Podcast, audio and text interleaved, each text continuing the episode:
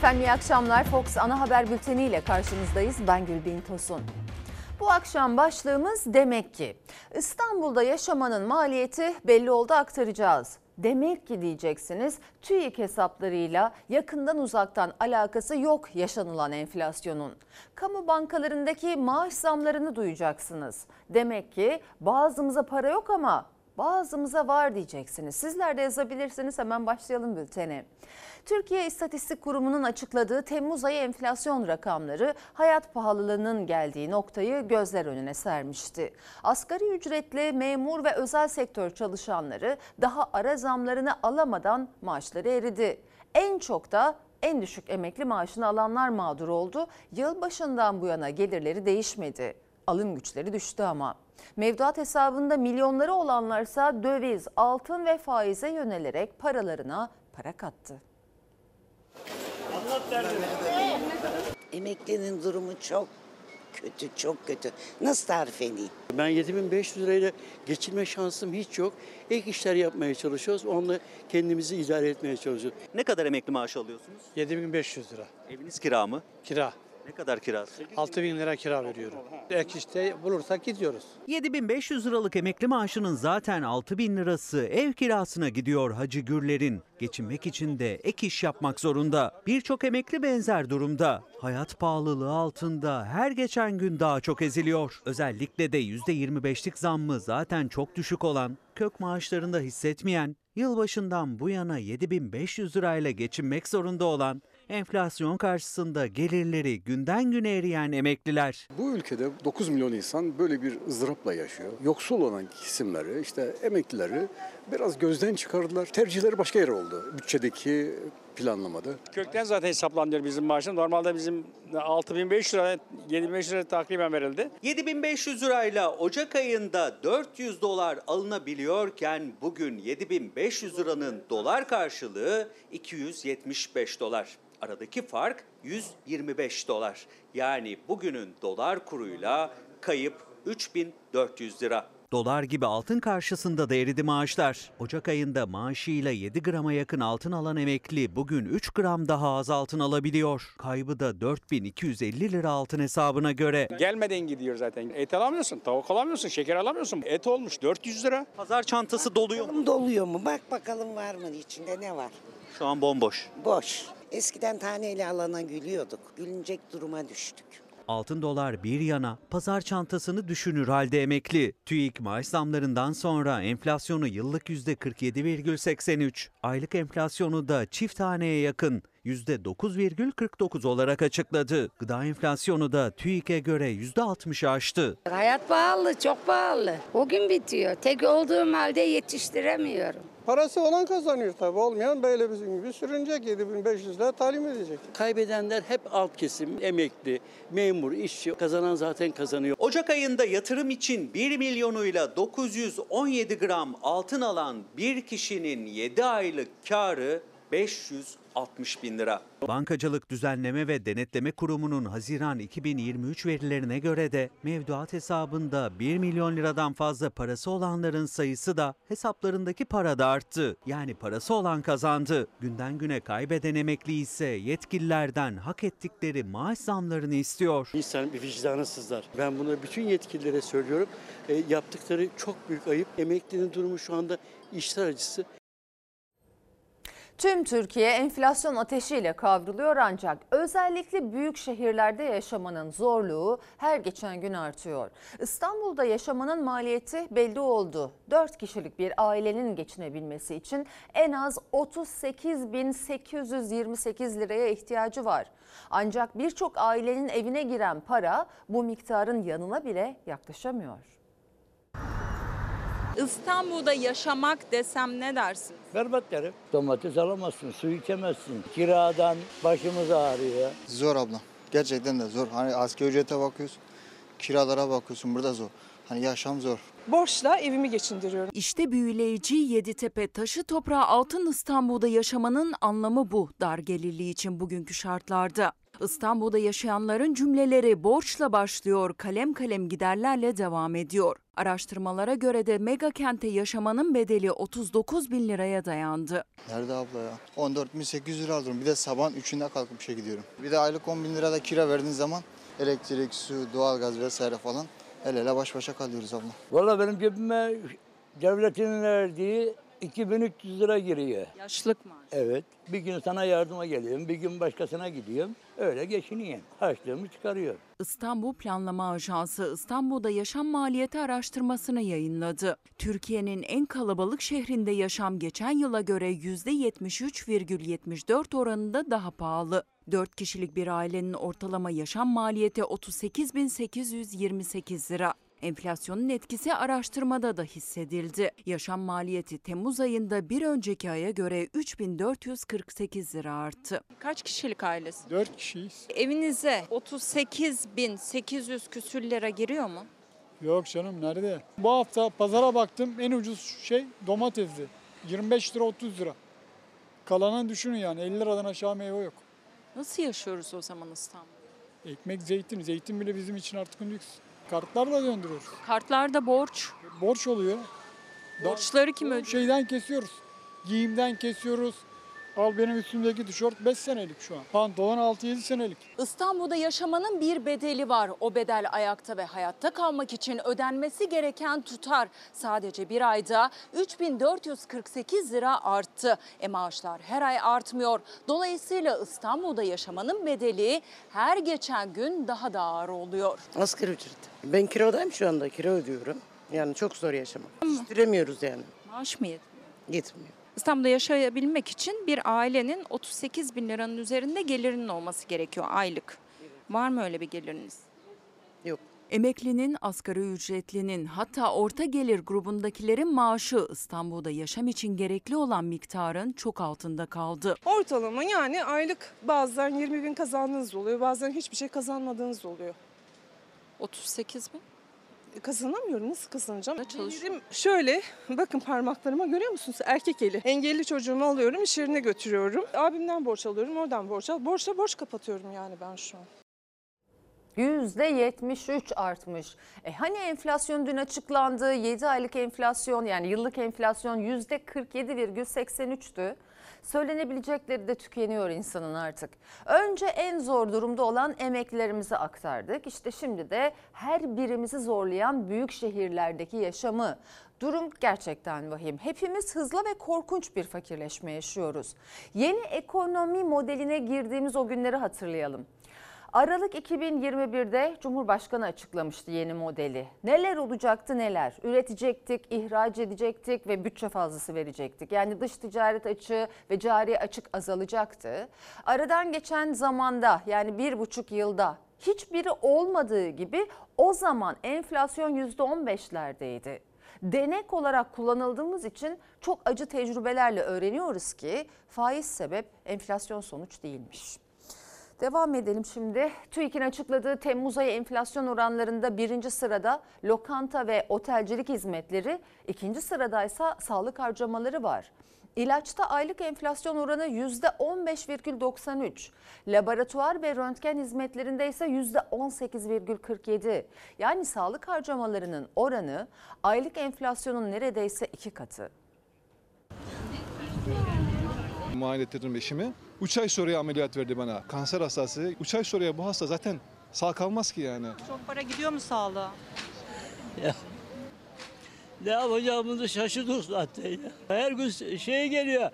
işin tedavisine geliyor. Ya gel git gel git para yeter mi? Gözyaşlarıyla anlattı yaşadığı çaresizliği. Kanser gibi zor bir hastalıkla mücadele ediyor. Üstüne bir de eline geçen kısıtlı parayla geçinmeye çalışıyor dar gelirle. Sağlık harcamalarındaki sıkıntının kanıtı TÜİK'in rakamlarında da ortaya çıktı. Sağlıkta yıllık enflasyon %75,95. Hem aylık hem de yıllık bazda sağlık harcamaları enflasyon kalemleri arasında ikinci sırada. Açlık sınırının altında yaşayan haneler için sağlık harcamaları karşılanacak düzeyde değil. TÜİ'nin rakamları bile bu çarpıklığı ortaya koyuyor. En erken burada randevu almaya çalışıyorum.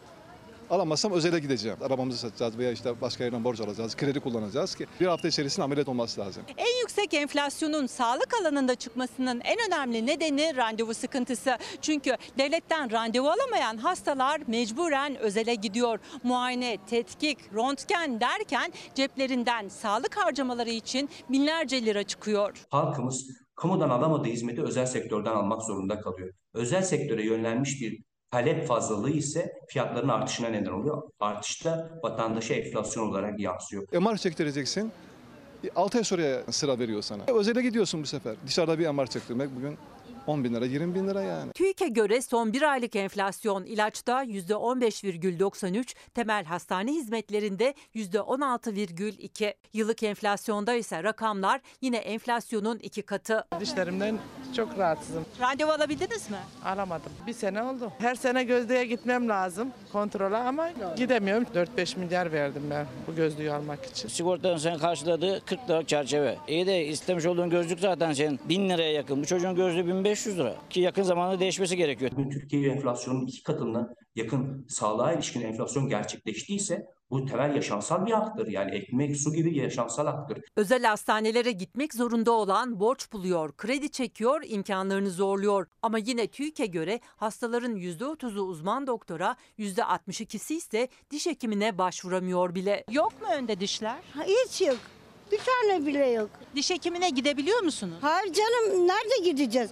Devletin şeyine gideceğiz ona da alabilsen randevu bekle al. İlaçta, tıbbi cihazlarda, medikal malzemelerde dışa bağımlılık, yüksek enflasyon hastaların sağlığa erişmesine her geçen gün biraz daha zorlaştırıyor. Tüm hizmetleri ücretsiz olarak halka yansıtması gerekiyor. O da yok, o da yok hiç devletten. Bir adım yok Allah rızası için ya.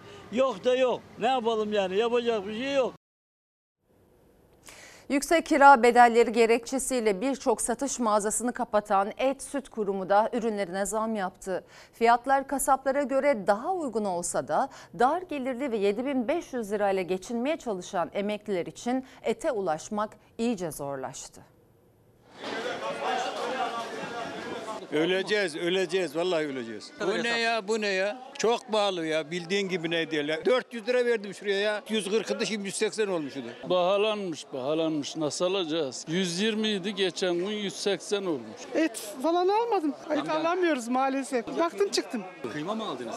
Yok almadım param yok. Kimi fiyat sorup alamadan geri çıktı, kimi de sadece 1 kiloyu zor alabildi. Özellikle dar gelirlilerin ve emeklilerin et alabildiği Et Süt Kurumu'nda da fiyatlar zamlandı. Haziran ayında 139 lira olan kıymanın kilosu 160 liraya, kuşbaşının fiyatı da 159 liradan 189 liraya çıktı. Gelmedi ay gelmedi hafta var mı ya? Hatta gelmediği gün var mı yani? Bir kilo aldım. Onu da kredi kartıyla kredi kartıyla aldım. Korkarak aldım ya. Ben de emekliyim. Ben almadan gidiyorum. Baktım gidiyorum. Ya burada hiçbir şey alabiliyorsun. Her şey var diyorlar. Ne olacak? Kim alıyor? Kıymanın kasaplarda, marketlerde kilosunun 300 liraya aştığı, kırmızı etin lüks olduğu günlerde dar gelirli için ete ulaşmanın adresi Et ve Süt Kurumu mağazaları. İstanbul'da bir, Ankara'da iki mağazası var. Müşterilerinin büyük çoğunluğu da emekliler. Kıyma aldık. Haalanma ne demek oğlum? Yardım parasıyla aldım başkent kartından. Biz alamıyoruz kıyma filan. Et, kıyma öyle.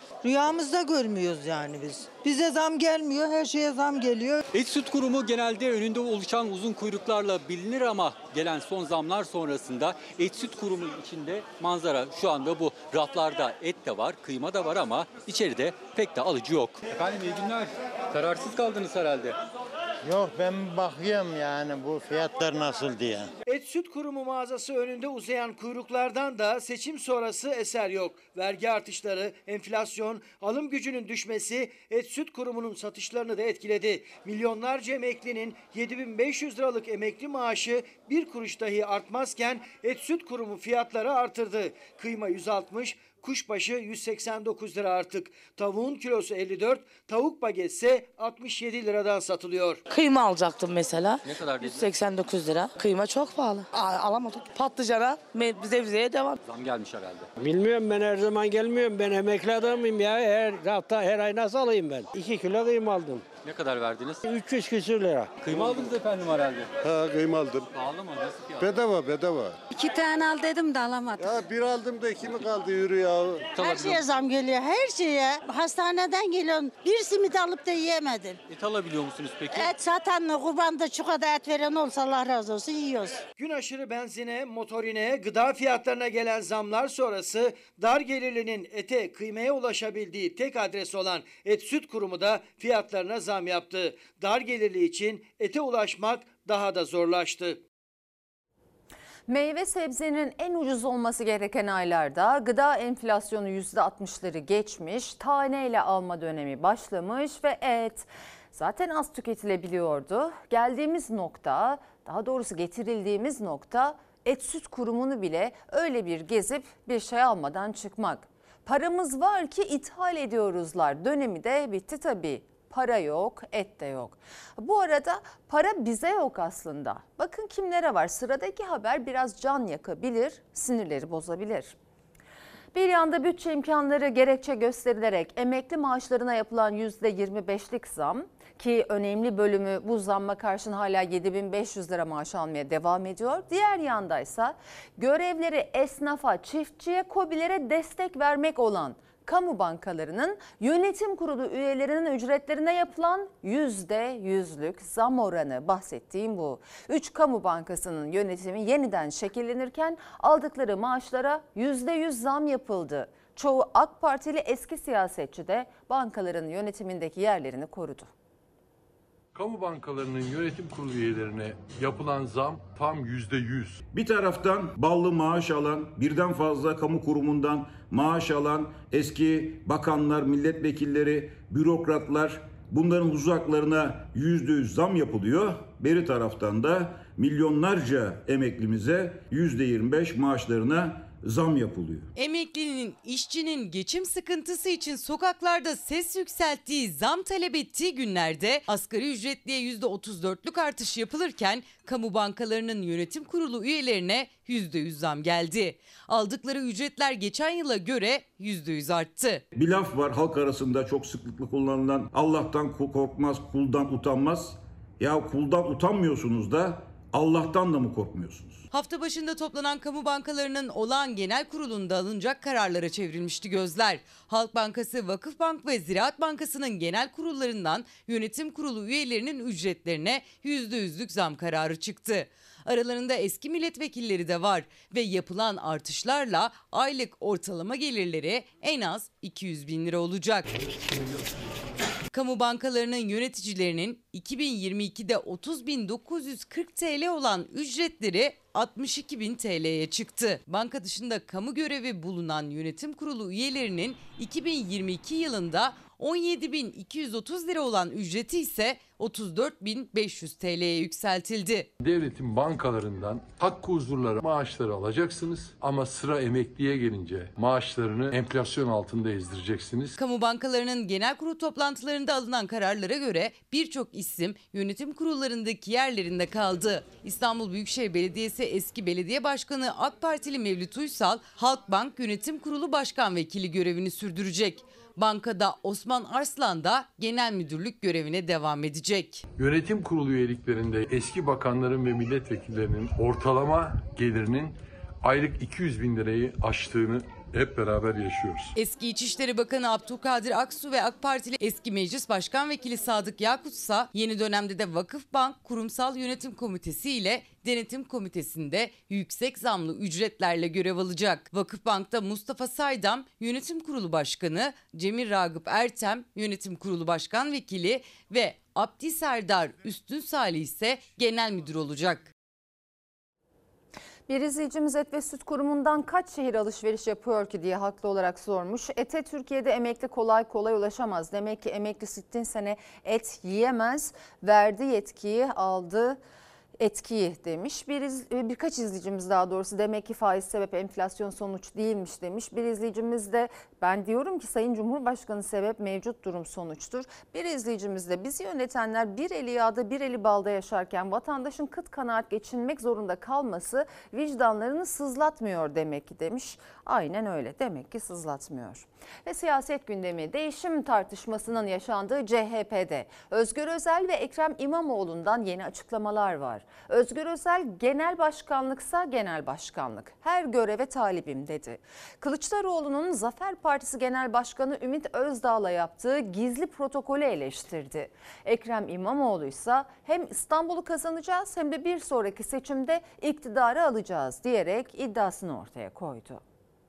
Sorumluluk almaksa sorumluluk, fedakarlık yapmaksa fedakarlık. Bu partinin bir daha seçim yenilgisi yaşamamak için ne yapması gerekiyorsa orada bana düşen görev neyse ona talibim. Genel başkansa genel başkan, Etik olan kural birisi ben adayım diyorsa bulunduğu görevlerden istifa etmeli. Mertçe Cumhuriyet Halk Partisi'nde görev yapan her insanın genel başkan olma hakkı vardır ama bunun da bir zerafeti vardır. CHP Grup Başkanı Özgür Özel'in genel başkanlıksa genel başkanlık her göreve talibim açıklaması sabahında CHP milletvekili Mustafa Sarıgül'ün Çalar Saat programında o zaman görevi bırakmalı sözleri. Yol haritası en çok merak edilen Ekrem İmamoğlu da dikkat çekici bir çıkış yaptı. umutla ayağa kalkın. Biz hem bundan sonraki İstanbul seçimlerini hem de İstanbul'un ilçe seçimlerini kazanmaya devam edeceğiz. Bununla yetinmeyeceğiz. Ülkemizin maküs talihini yenemediğimiz bu seçimde bir sonraki seçimde yenme konusunda da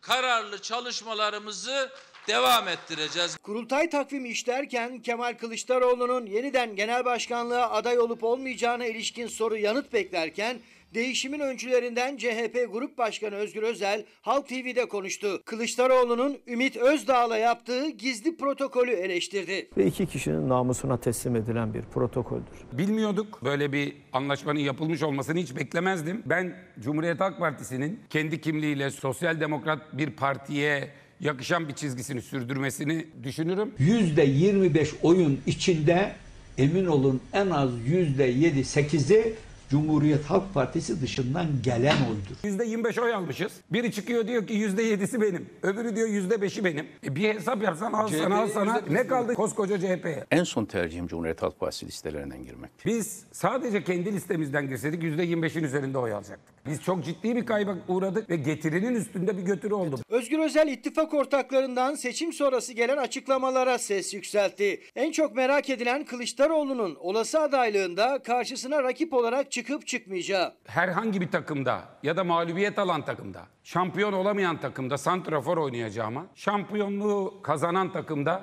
her mevkiye talibim. Ben bir daha bu insanlara yenilgi yaşatmak ve yaşatan takımda bir görevde olmak istemiyorum. Ben bu insanlar artık yüzü gülsün, bu ülke hak ettiği Cumhuriyet Halk Partisi'ne kavuşsun istiyorum. Cumhuriyet Halk Partimizin şu anda bir genel başkan arayışı yok. Vicdan koltuk kavgası yapanları yarı yolda bırakacaktır. Kılıçdaroğlu'nun Erzincan ziyaretinden bir gün önce CHP Erzincan Milletvekili Mustafa Sarıgül, CHP liderine desteğini, değişim taleplerine tepkisini böyle dile getirdi. İstanbul Büyükşehir Belediye Başkanı Ekrem İmamoğlu da İstanbul'da konuştu. Yılmak yok, yolumuza devam edeceğiz ama vatandaşımızla yüzleşeceğiz. Yaptığımız eksikliklerden dolayı onlardan özür dileyeceğiz. Onlarla dertleşeceğiz, konuşacağız. İşte buradaki gibi eleştirileri alıp baş tacı edeceğiz. Önümüze vatandaşlarımızın dilek ve tavsiyeleriyle bakacağız. İmamoğlu'nun Ağustos ayı içerisinde CHP'deki değişim ve yol haritasına ilişkin bir açıklama yapması bekleniyor. İmamoğlu İstanbul ilçeleriyle kazanacağız dedi. Sonrasında iktidar sözü verdi. Milletin iktidarlarının kurulması için var gücümüzle çalışmaya devam edeceğiz. Unutmayınız buradaki kardeşiniz asla vazgeçmeyen bir kardeşiniz. Bunu herkes bilsin. İstanbul'u bekleyen en büyük risk deprem. Uzmanların uyarıları sürerken kentsel dönüşüm çalışmaları da devam ediyor. Ancak dönüşümün önünde birçok engel var. Aynı apartmanda oturanlar binalarını dönüştürmek için farklı nedenlerle bir türlü anlaşamıyor. Bugün yıkımına başlanan bir bina vakit kaybetmeden harekete geçmenin ne kadar hayati olduğunu gösterdi. Test yapıldı 7-8 ay evvel. Büyükşehir bizim buraya yakım çıkarttı. Güvensiz olduğunu bilseniz oturur muydunuz? Kesinlikle oturmazdım. Yıllarca kolonlarında demir bile olmayan bir binada yaşadılar. İstanbul Esenyurt'taki apartman depreme karşı %100 dayanıksız çıkan 318 binadan biri yıkımına başlandı. Bu 318 binada yaklaşık 10 bin kişi yaşıyor. İkinci grup olarak hedeflediğimiz bina sayısı 1525 ve yaklaşık 50 bin kişi yaşıyor. 50 bin kişiye yakın insanın canını koruyacağız. İstanbul Büyükşehir Belediyesi'nin hızlı tarama testiyle tespit ettiği acil yıkılması gereken binalardan birisi Özaydın Apartmanı. Aslında deprem riskine karşı yıkılıyor ama kolonlarında demiri bile olmayan bu binanın yıkılması için bir depreme bile gerek yok. Durduğu yerde bile yıkılabilir konumda. Risk bu denli büyük, dönüşüm bu denli önemliyken komşular arasında uzlaşı zor. En büyük engel de maliyetler. Bu sürece başladığımız zaman 8 milyon civarındaydı ama şu anda çok değişti. İşin doğrusu biz de kara kara düşünüyoruz. Bundan yaklaşık 4-5 ay öncesine kadar böyle bir projeye biz adım attık ama günümüzün enflasyon şartları, döviz kurlarındaki artışlar ister istemez bizi de e, bu denli yormuş oluyor. Özaydın Apartmanı'ndan Ocak ayında 12 daire için 8 milyon lira istedi müteahhit. O günden bu yana fiyat neredeyse 3 katına çıktı. 12 daireli apartmanın inşaat bedeli 24 milyon liraya yükseldi. İstanbul'da dönüşümün bedeli metrekare başına 25 bin liraya kadar çıktı. Ortalama 100 metrekare bir e, dairenin maliyeti bugün e, 2 milyon civarında. TOKİ'nin fiyatlarında da 100 metrekarelik bir daire için 1,5 milyon verilmişti seçimlerden önce. Bugün o fiyat 2 milyona çıktı. Neden ağır gidiyoruz? Çünkü tapu ve tebligat kanunundan kaynaklı çok önemli açmazlar var.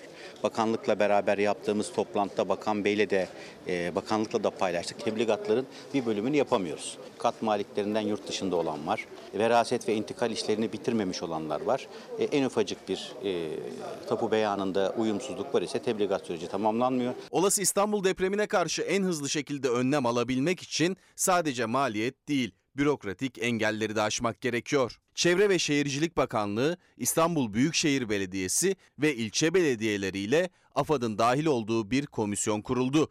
Bakan Mehmet Özaseki İstanbul'a yönelik özel kentsel dönüşüm projesinin yasal altyapısının hazırlanması gerektiğini söyleyerek meclisi olağanüstü toplantıya çağırdı. İstanbulluların da beklentisi dönüşümün önündeki engellerin yasalar yoluyla çözülebilmesi. Biz yeni alanları imara açıp asker alanı, yeşil alanı dönüştürdük, şu kadar beton metrekaresi yaptık değil e, en riskli binayı dönüştürdük demek, en risklileri dönüştürdük demek istiyoruz. Daha kolay hale getirilebilir ama bunun için ciddi bir çalışma yapılması gerekiyor. Riskli binalar yalnızca içinde yaşayanları değil, yakınından geçenleri de tehdit ediyor. Konya'da öyle bir binadan kaldırımda yürüyen bir ailenin üzerine koca bir beton parçası düştü. Baba ve kızı yoğun bakımda.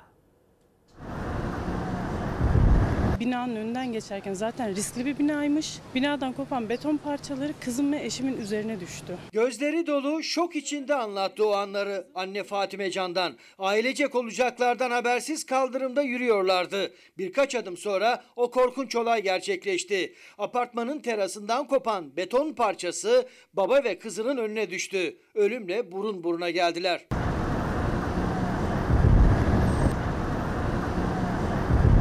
Benim kızım ölebilirdi. Hem kafatasında kırık var, felç olma ihtimali var. Eşimin omurgasında, kaburgalarında kırıkları var. Konya'nın Akşehir ilçesinde yaşandı akıl almaz olay. Bir adımla hayatta kaldı baba kız. Baba Mehmet Candan son anda kızına siper oldu. Düşen beton parçasından hem kendini hem de kızını kurtarmaya çalıştı. Ama yere düşen betondan kopan parçalar onları ağır yaraladı.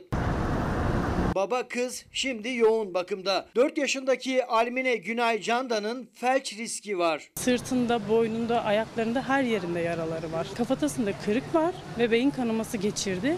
Şu anda sol eli ve sol ayağı felçli kalma ihtimali var. Anne Fatime Candan elindeki yaralarla kurtuldu ama aklı yoğun bakımdaki eşi ve çocuğunda. Onlardan gelecek iyi bir haberde. Candan ailesinin tek bir isteği var. Olayda ihmali bulunanların cezasız kalmaması. Daha önce de bir düşmüş bundan bir 15-20 gün önce. İlla benim çocuklarım gibi birilerinin başına bir şey mi gelmesi lazım? Bunda ihmal olan kimse de bunun en büyük cezayı almasını istiyorum. Akbelen'de termik santral nedeniyle ağaçların kesilmesine karşı eylemlerini sürdürenlerin kullanma suyunun alana girişine izin verilmedi. Ağaçları korumak için ormanlık alanda olan eylemcilere, eylemcilerle jandarma karşı karşıya biliyorsunuz. Akbelen'e bir buçuk kilometre mesafede Destin köylüleri ise köylerine kurulmak istenen çimento fabrikasına karşı direnişte.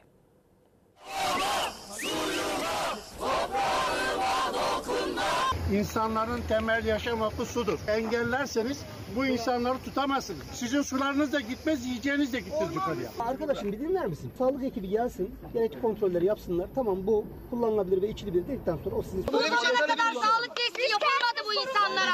Şimdi mi aklınıza geldi sağlık testi? Bugün de bizi bağlandı. Güneşin altında susuz bırakarak dağıtmaya çalışıyorlar. Termik santralin genişletilmesi için ağaç katliamının yaşandığı ve eylemlerin sürdüğü Akbelen'de bu kez eylemcilerin kullanma suyunu taşıyan tankerin girişine izin verilmedi. Gerekçe sağlık testi yapılacak olması. Bu kararı şimdi vereceksiniz. Bu tanker buradan yukarı çıkacak. Aksi takdirde biz açarız yolu. İnsana hakkımızı talep ediyoruz. Haklıyız, çok haklıyız.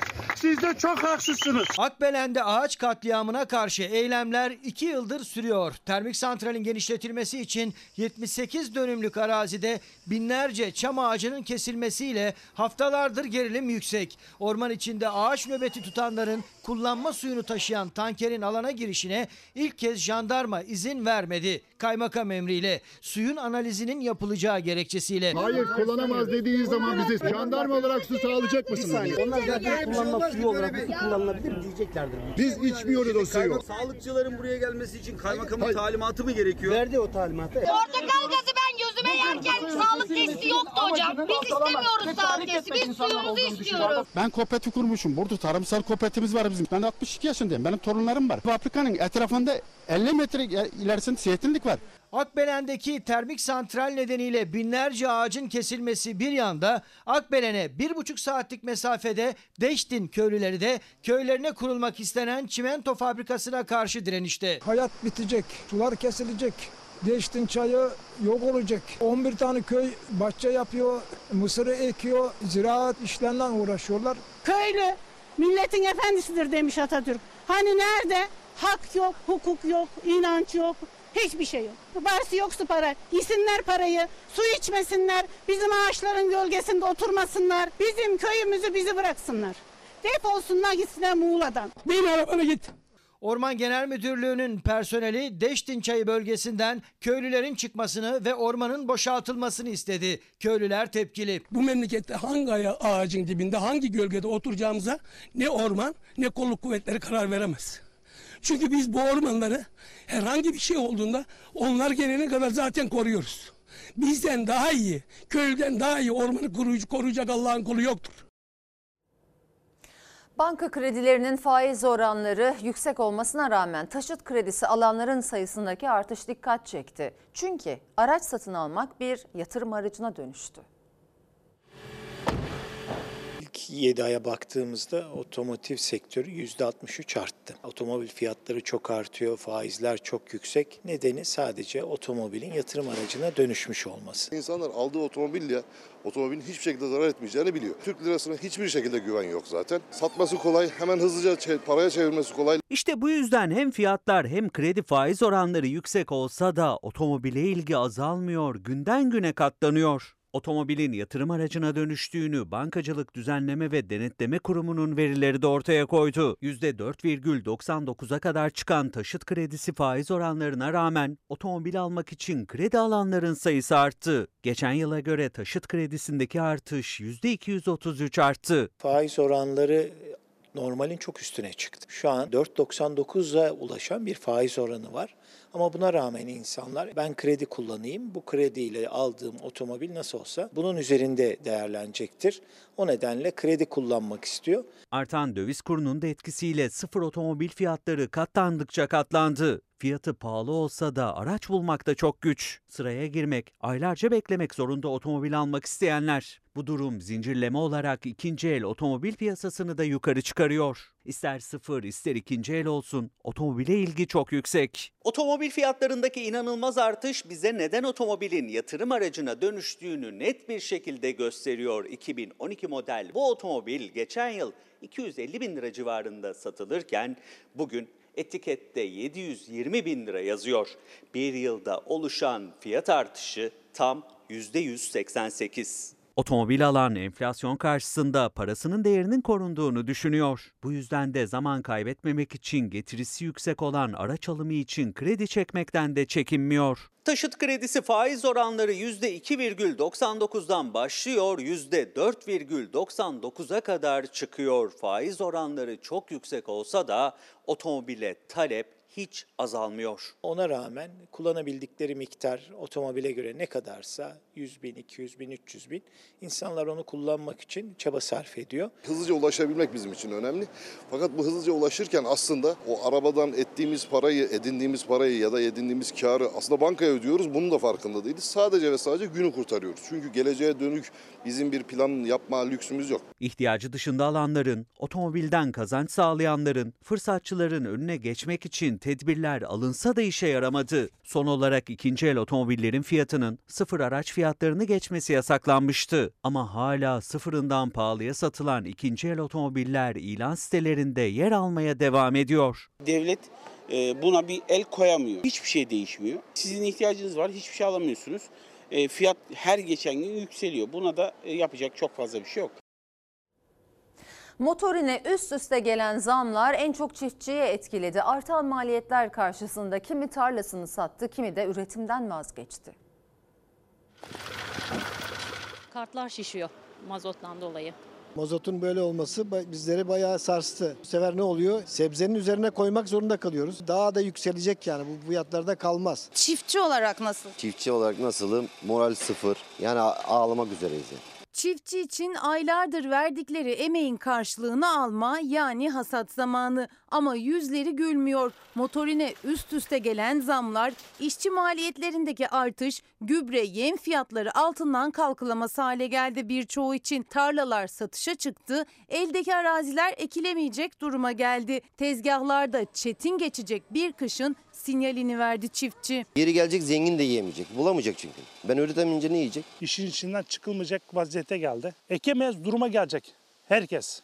Ben kendi çapımda söylemiyorum. Bu Türkiye genelinde ekemeyecek duruma gelecek yani. Üretici bir yandan yazlık ürünlerinin hasadını yapmaya başladı. İşte domatesler kasalara dolduruluyor. Bunlar ekilirken bile maliyetleri çok yüksekti. Altından nasıl kalkacaklarını bilemiyorlardı. Nitekim pazar tezgahında da bu ürünlerin fiyatı mevsimi olmasına rağmen çok yüksek. Diğer yandansa kışlık ürünlerin ekimi için tarlalar hazırlanmaya başlıyor ve şimdi artık maliyetler çok daha yüksek. Özellikle de motorinin fiyatı üreticinin belini büküyor. Haliyle gelecek sezonda tezgahta fiyatlar çok daha yüksek olacak. Üretici olarak ekemeyeceğiz. Ee, az olunca mahsul pahalı olacak. Tükendik. Satıyoruz yani. 5 dönüm yer sattım ondan ayaktayım şu an. Onu harcıyorum ben. Sözde kazanıyorum ama işte yapacak işim yok. Mecbur o iş yapacağız. Bata çıka yapacağız. Sattığınıza mı üzülüyorsunuz? Evet.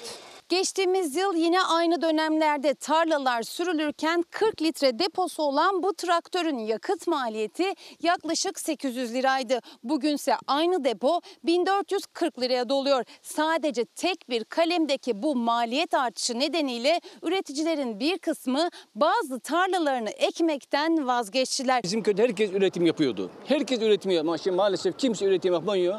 Bütün tarlalar hepsi gitti. Çiftçiye verilen mazotta yani mümkün olduğunca ucuz olması lazım. Motorinin litre fiyatı 36 lira 51 kuruş. Bunun 13 lira 14 kuruşu ÖTV ve KDV. Yani 40 litrelik deponun 525 lirası, 60 litrelik deponun 788 lirası vergi. O vergi alınmasa belki çiftçi biraz daha rahatlayacak. En azından maliyeti biraz düşecek.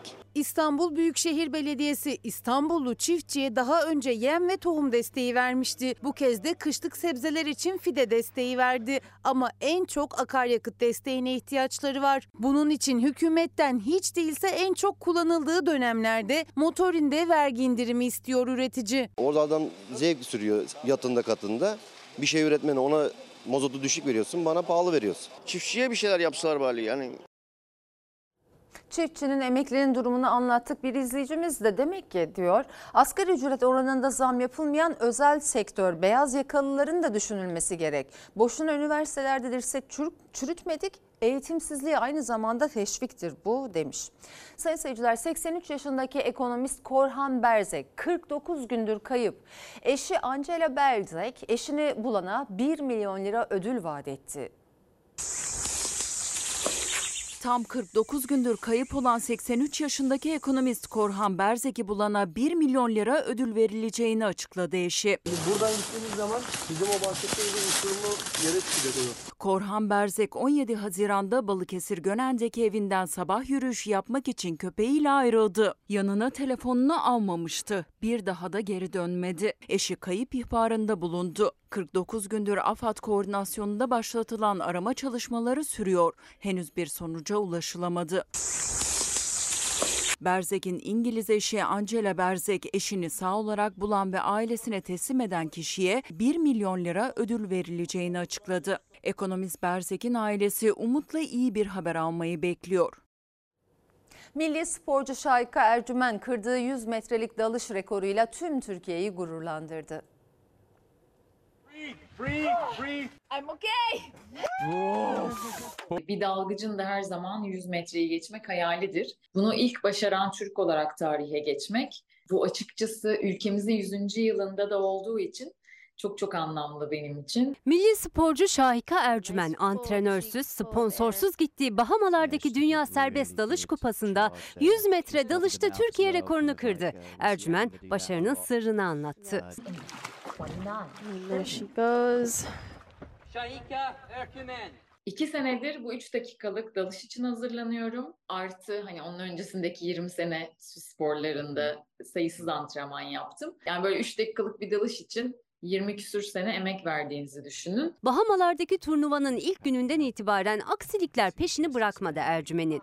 95 metre dalışında paleti kırıldı önce. Sonra dalışının geçerli sayılması için vermesi gereken işareti veremedi ve ard arda geçersiz dalışlar yaptı.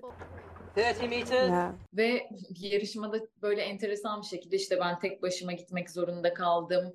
Paletim kırıldı. Paletim kırık olduğu için ödünç bir paletle yarıştım. Böyle biraz aksiliklerin olduğu bir süreçti açıkçası. Aksiliklerin kendisini durdurmasına izin vermedi milli sporcu ve son gün yaptığı dalışla Cumhuriyet'in 100. yılında Türkiye'ye 100 metre rekorunu armağan etti. Yes. Oh, There she is. Brilliant touchdown. Belki yılların tecrübesi, bilmiyorum. Belki çok inanmışlık, adanmışlık. O iki senenin emeği. Son yaptığımız iki hakkımızda önce 95 metreyi, sonra da 100 metreye inerek yarışmanın aslında kaderini değiştirdik. Türkiye rekorunu kıran milli sporcunun bir sonraki hedefi ise 111 metreyle rekorunu tazelemek. Ben de son nefesime kadar ülkemizi temsil etmeye çalışacağım. Incredible dive from her. There's the white card. There she has The vindication. record. Çin'de otoyol üzerindeki köprünün bir bölümü selin şiddetiyle çöktü. Yolun çöktüğünü fark etmeyen iki araç boşluğa uçtu.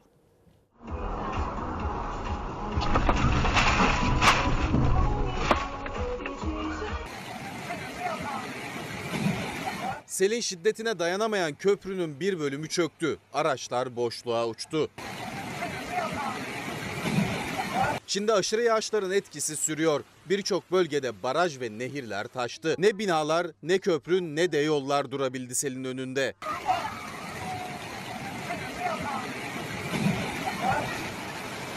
Sel nedeniyle bir otoyol üzerindeki köprüde ise çökme meydana geldi. Sürücüler durumdan habersizdi. O sürücülerden biri göçüğü fark ettiğinde çok geçti. Fren yapsa da boşluğa uçmaktan kurtulamadı. Araç kamerasıyla kazayı kaydeden Çinli sürücü ise son anda durmayı başardı. Otomobilden indi, düşen araca bakmaya gitti. Yolun çöken bölümünde bir değil iki araç olduğunu gördü. Hafif yaralı iki sürücüyü diğer araçlarda bulunanlar kurtardı. Çin'in birçok bölgesini vuran yağış ve sellerde şu ana kadar en az 20 kişi öldü, 600 binden fazla kişi tahliye edildi. Tarafsız ve özgür habercilik bir kez daha ödüllendirildi. Fox Haber muhabiri Sevgi Şahin deprem bölgesindeki özverili çalışmaları nedeniyle basın özel ödülüne layık görüldü. Başarılı çalışkan, yardımsever, özverili bir muhabir Sevgi Şahin efendim ödüle layık görüldü. worked very hard on the earthquake region during the disaster. Fox Haber'in başarılı muhabiri Sevgi Şahin, Büyükçekmece Belediyesi tarafından basın özel ödülüne layık görüldü. 6 Şubat'ta meydana gelen Kahramanmaraş merkezli iki büyük depremden hemen sonra deprem bölgesine ilk ulaşan gazeteciler arasındaydı. Bölgede yaşananları anlattı, deprem mağdurlarının sesini ekrana taşıdı. Kimse bize bakmadı, kimse bize bakmıyor. Cumhuriyet'in 100. yılında 100 farklı ülkeden 1550 kültür ve sanat elçisi Büyükçekmece Belediyesi'nin davetlisi olarak İstanbul'daydı. 24. Büyükçekmece Kültür ve Sanat Festivali'nde alanında başarılı isimler de ödüllendirildi. Basın özel ödülü Fox Haber muhabiri Sevgi Şahin'in oldu. Depremzedelerin sesini tüm dünyaya duyurdu. Alkışlar Sevgi Şahin için geliyor. Çok başarılı bir çalışma yaptı. Dramatik bir ortamda, çok zor bir ortamda. Çok zor bir kış geçirdik. Önce deprem, sonra e, sel felaketine gittim ben Şanlıurfa'da. O kötü günler geride kaldı ama uzmanlar da her gün haberlerde de size aktarıyoruz. Beklenen bir İstanbul depremi var. Bu depreme karşı e, devletin, vatandaşların yanında olması gerektiğine inanıyorum. Sevgi Şahin ödülünü Fox Haber ailesi adına aldı. Bu haberleri özgür ve tarafsız bir şekilde ulaştırmamızı sağlayan Fox Haber Genel Yayın Yönetmeni Doğan Şentürk'e, haber müdürümüz Fersun Yelken'e ve haber merkezimize çok teşekkür ediyorum. Sevgi Şahin'e tebrikler araya gidiyoruz. Efendim Fox Ana Haber Bülteni'ni burada noktalıyoruz. Fox'ta yayın kısmeti yeni bölümüyle devam edecek. İyi bir akşam geçirmenizi diliyoruz. Hoşçakalın. Feda bir tek dostuma